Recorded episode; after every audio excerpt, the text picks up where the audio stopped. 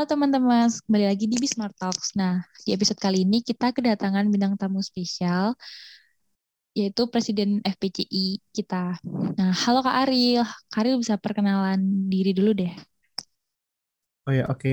Makasih Dikta. Uh, aku Ariel. Uh, nama panjang aku Ariel Benajar Tandian. Tapi panggil Ariel aja nggak apa-apa. Aku dari Fakultas Hukum Angkatan 2018 dan seperti yang Dikta bilang tadi, aku menjabat sebagai Presiden di FPC Brawijaya. Nah, Karil ini kan presiden FPCI ini. Gimana sih Kak rasanya bisa jadi presiden FPCI?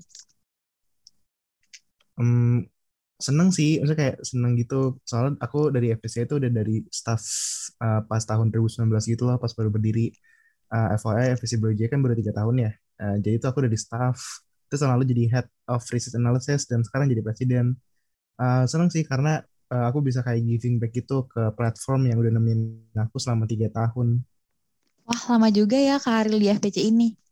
Apa sih Kak yang bikin Karil tuh yakin banget buat bisa jadi presiden FPCI? Secara kan jadi presiden FPCI itu nggak gampang gitu kan. Hmm. Kalau dari apa kayak kalau dari aku sendiri sih yang bikin aku yakin buat jadi presiden tuh uh, buat FPCI khususnya ya karena aku yeah. emang udah punya kayak ketertarikan sendiri sih sama apa yang FPCI lakukan yang FPCI advokasikan dan juga um, kayak personal um, attachment aku sama organisasi ini yang pertama itu tentunya kalau misalnya kita berbicara kan FPCI Brawijaya kan fokusnya kan uh, menyebarkan pemahaman kebijakan luar negeri dan sebagai um, mahasiswa yang emang dari maba itu aku udah uh, set interest kalau misalnya aku pengen jadi orang yang uh, mahasiswa yang berkegiatan di apa ya kayak kegiatan yang berhubungan dengan isu luar negeri, misal kayak hubungan internasional, hukum internasional. Aku ngeliat FPC Brawijaya itu uh, ketika aku jadi staff, terus jadi uh, head of research analysis, jadi presiden tuh, aku ngerasa kayak ini bisa jadi platform yang sesuai dengan um, apa ya kayak tujuan aku di masa depan gitu loh. Tapi kalau misalnya kayak uh, alasan pribadi juga tentunya seperti yang aku bilang tadi, kayak jadi presiden FPC itu uh, jadi kayak cara aku buat ngasih balik gitu loh ke organisasi ini karena aku emang udah ikut banyak organisasi kan dari maba tapi uh, walaupun aku muter-muter gitu kayak organisasi A, organisasi B, organisasi C tapi yang satu organisasi yang tetap tuh adalah FPC Brawijaya gitu dikta kenapa aku pengen jadi presiden dan kenapa aku yakin jadi presiden FPC Brawijaya Wah, berarti kayak udah passion dari awal banget nih ya, Kak. Dari maba udah punya passion di FPCI yeah. gitu ya. Nah, menurut yeah, Karil sendiri gitu. nih, menurut Karil sendiri, Uh, gimana sih pencapaian FPCI sejauh ini? hmm, kalau ngomongin FPC Brawijaya dari dari ini ngomongnya kita dari awal banget dari berdiri apa pas um, periode aku sama kamu sekarang? Boleh dari awal banget nih. Mungkin pencapaian apa sih yang udah dicapai oh, selama tiga okay. tahun nih kan? FPCI kan juga masih baru, yeah. biar teman-teman di luar sana tuh tahu juga gitu kak.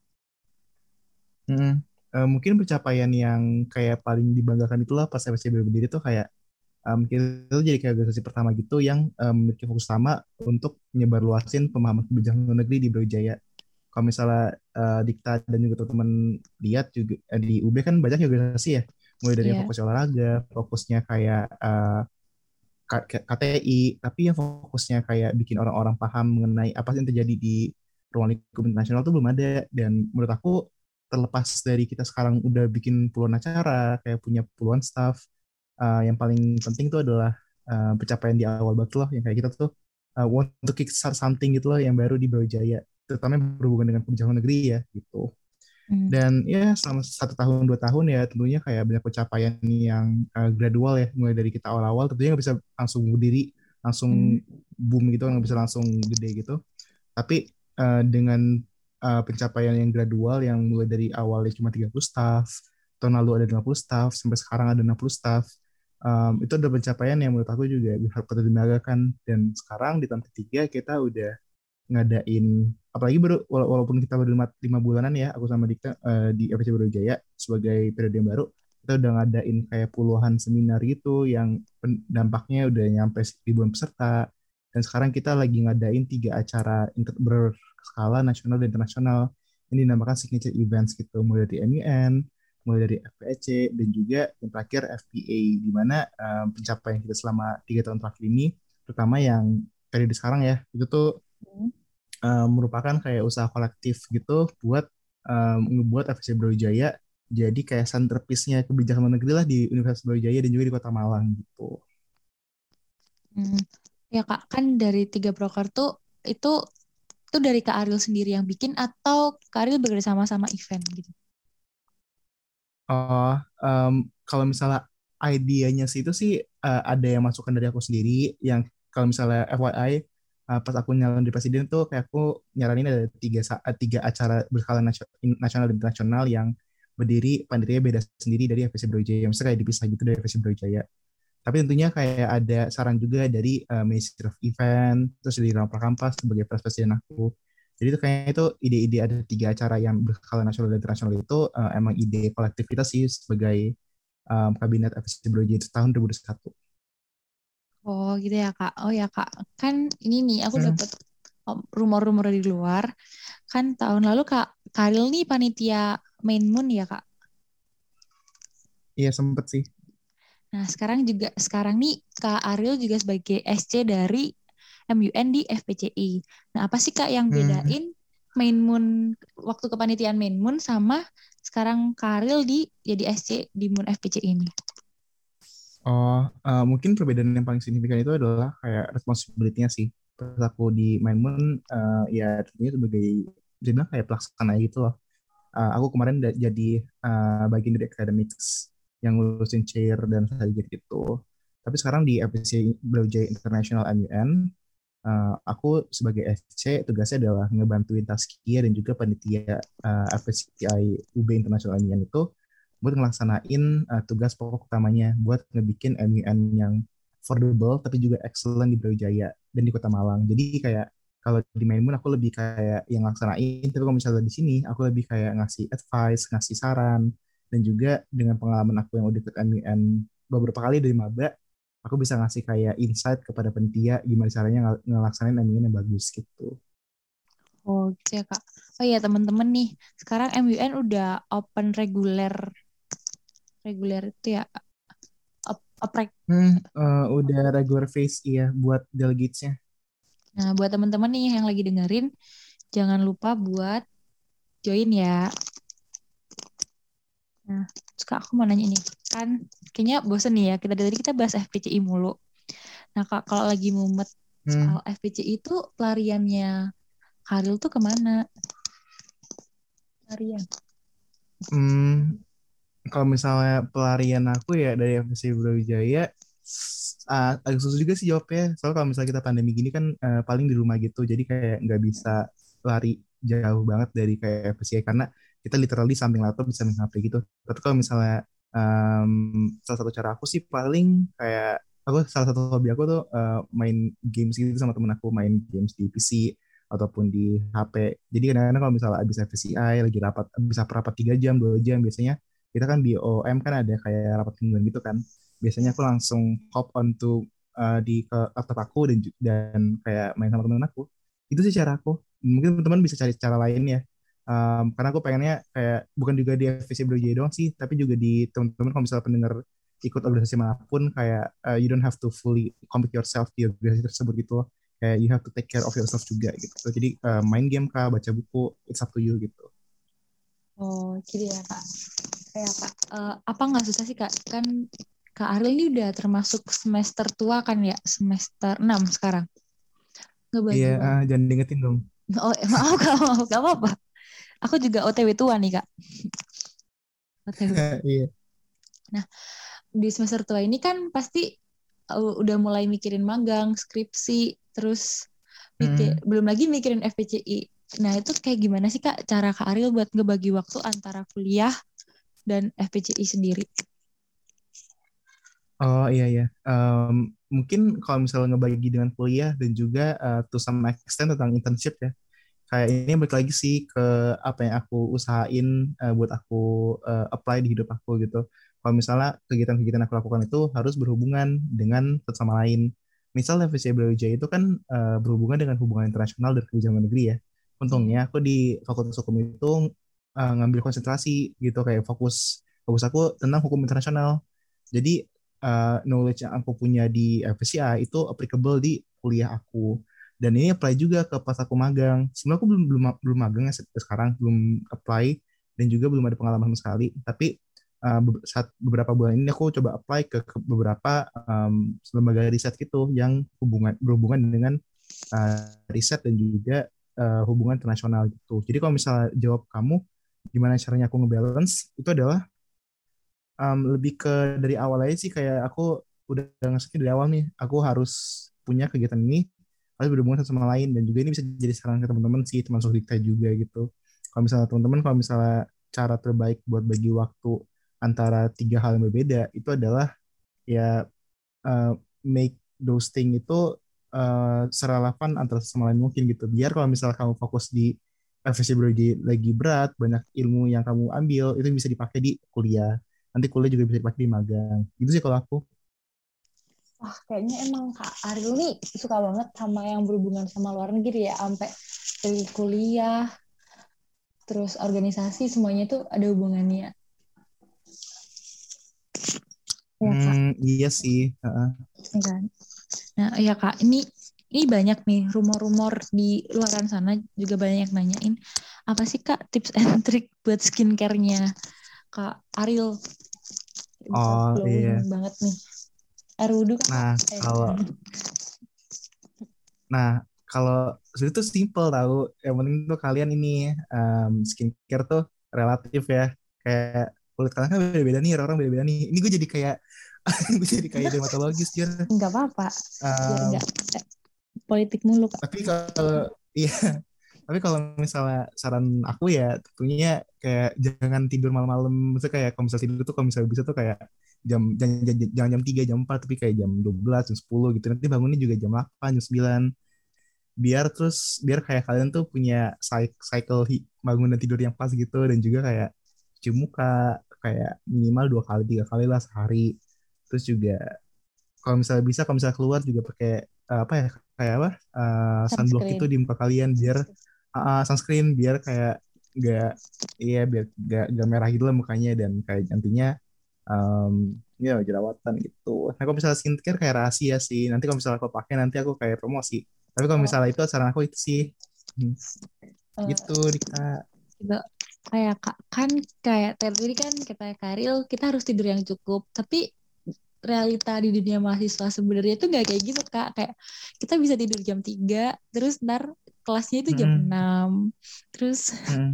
tidur jam 12 kelasnya juga jam 6 kayak kegiatan-kegiatan kita begadang, nugas. Nah, kayak gitu tuh kan juga ngefek kan ya kak ya ke kulit. Nah itu gimana ya kak? Jadi dokter nih hmm, iya. sekarang. iya.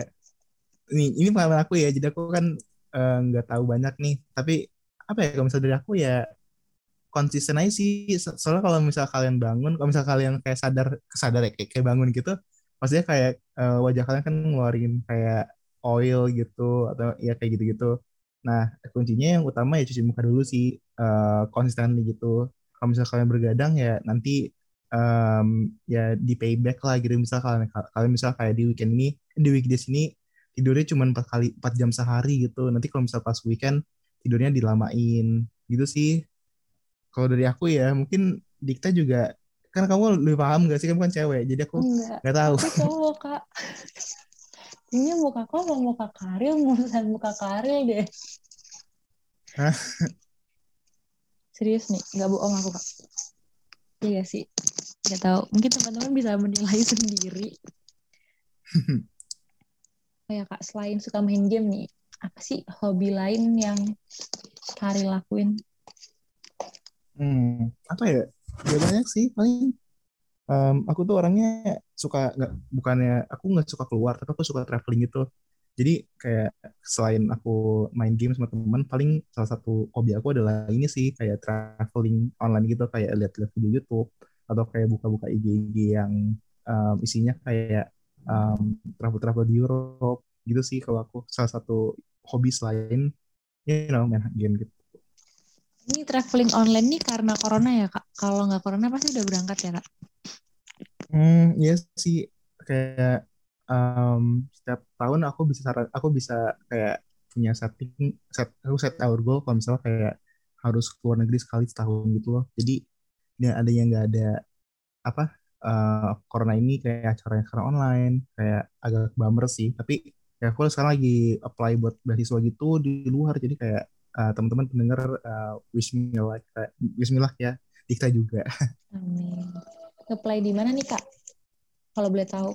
Hmm, jadi um, kalau cerita-cerita dikit ya. Jadi tuh minggu lalu tuh aku apply di um, beasiswa dari Kemendikbud sama Ristek Dikti kalau nggak salah. Nah yang program kampus merdeka yang uh, IISMA itu loh.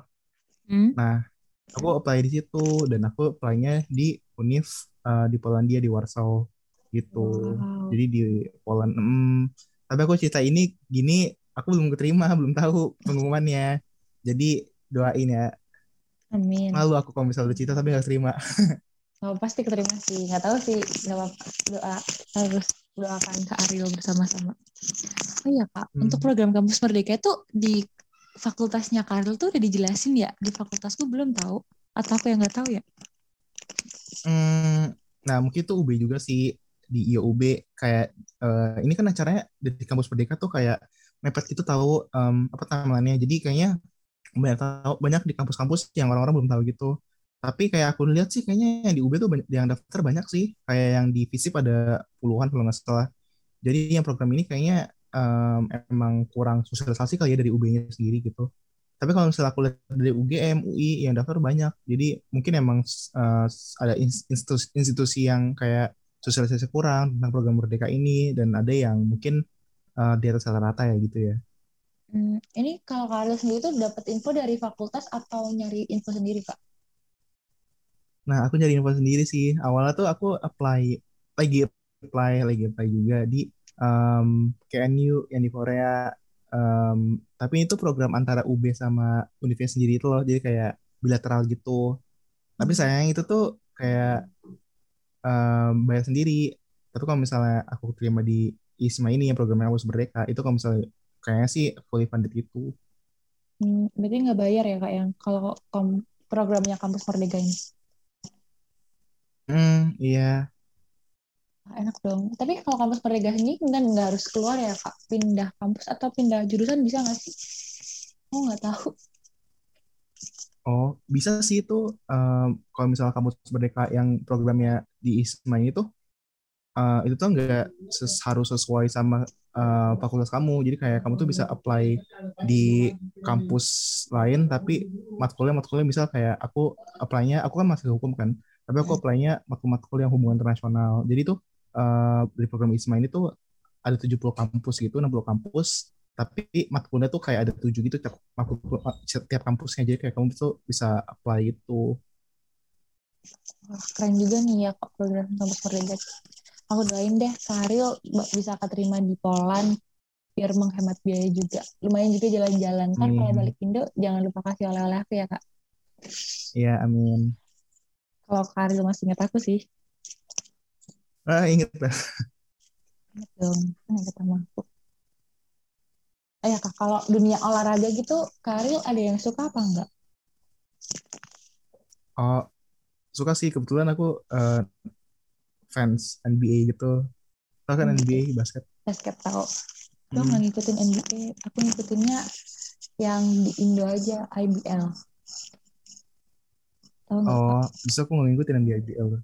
Enggak, enggak ngikutin ngikutin itu lah kita juga sama oh ya kamu ikutin nonton nonton sih tapi jarang-jarang karena kan pagi kan kayak jam 10 oh, iya. masih kuliah tugas juga bejibun ya nggak mm -mm. oh ya kak untuk fakultas hukum sendiri sekarang udah mulai was atau belum sih kak um, jadinya sih minggu-minggu ini sama minggu depan tuh masih tanggal-tanggal UAS. Jadi ya emang lagi balance sih antara UAS-UAS kayak banyak tugas yang kayak take home sama yang ini kayak FCB Wijaya. Kayak kemarin tuh baru rapat dan minggu. Nah ini FPCI nggak ada libur kak buat UAS? Ada kok minggu depan. Nanti Dikta bisa libur tuh. Asik. Dari jam, tanggal 7 sampai tanggal 13. Buat fokus UAS berarti ini ya? Biar akademik hmm. jalan, organisasi juga jalan ya kak? Bener-bener. Nah, buat teman-teman tahun depan bisa nih daftar FPCI. Karena organisasi iya lain, ya UAS tetap jalan, UAS tetap organisasi. nggak tahu nggak tahun depan kok nanti pas magang juga daftar kok nanti Agustus teman-teman kalau misalnya mungkin yang dengar maba nih tiba-tiba ya maba-maba tahun 2011 ya lagi dengar tiba-tiba dengar ini nih podcast ini. Kamu bisa apply nanti magang bulan Agustusan kalau nggak salah. Oh. Di FVC Brawijaya. Udah mau oprek lagi ya kak buat staff magang mm. juga ya gak kerasa iya. mm, nanti Dikta punya adik baru yeah. tapi nggak tahu sih mungkin ada daftar ntar angkatan 18 kan ya jadi kakak jadi dapat kakak nggak dapat adik ya, kak, makasih banget nih kak udah mau ngobrol-ngobrol bareng aku di Bismarck Talks kali ini. Gak kerasa kita hmm, ngobrolnya udah lama di... banget ya kak. Hmm. Makasih ya kak. Jangan kapok-kapok okay, kalau diundang sama juga ya Dika. Oke, makasih yes, kak. Sama-sama. Ditunggu yang Yeay. program lainnya. Dadah. Amin. Dadah buat teman-teman jangan lupa stay safe and stay healthy. Bye-bye.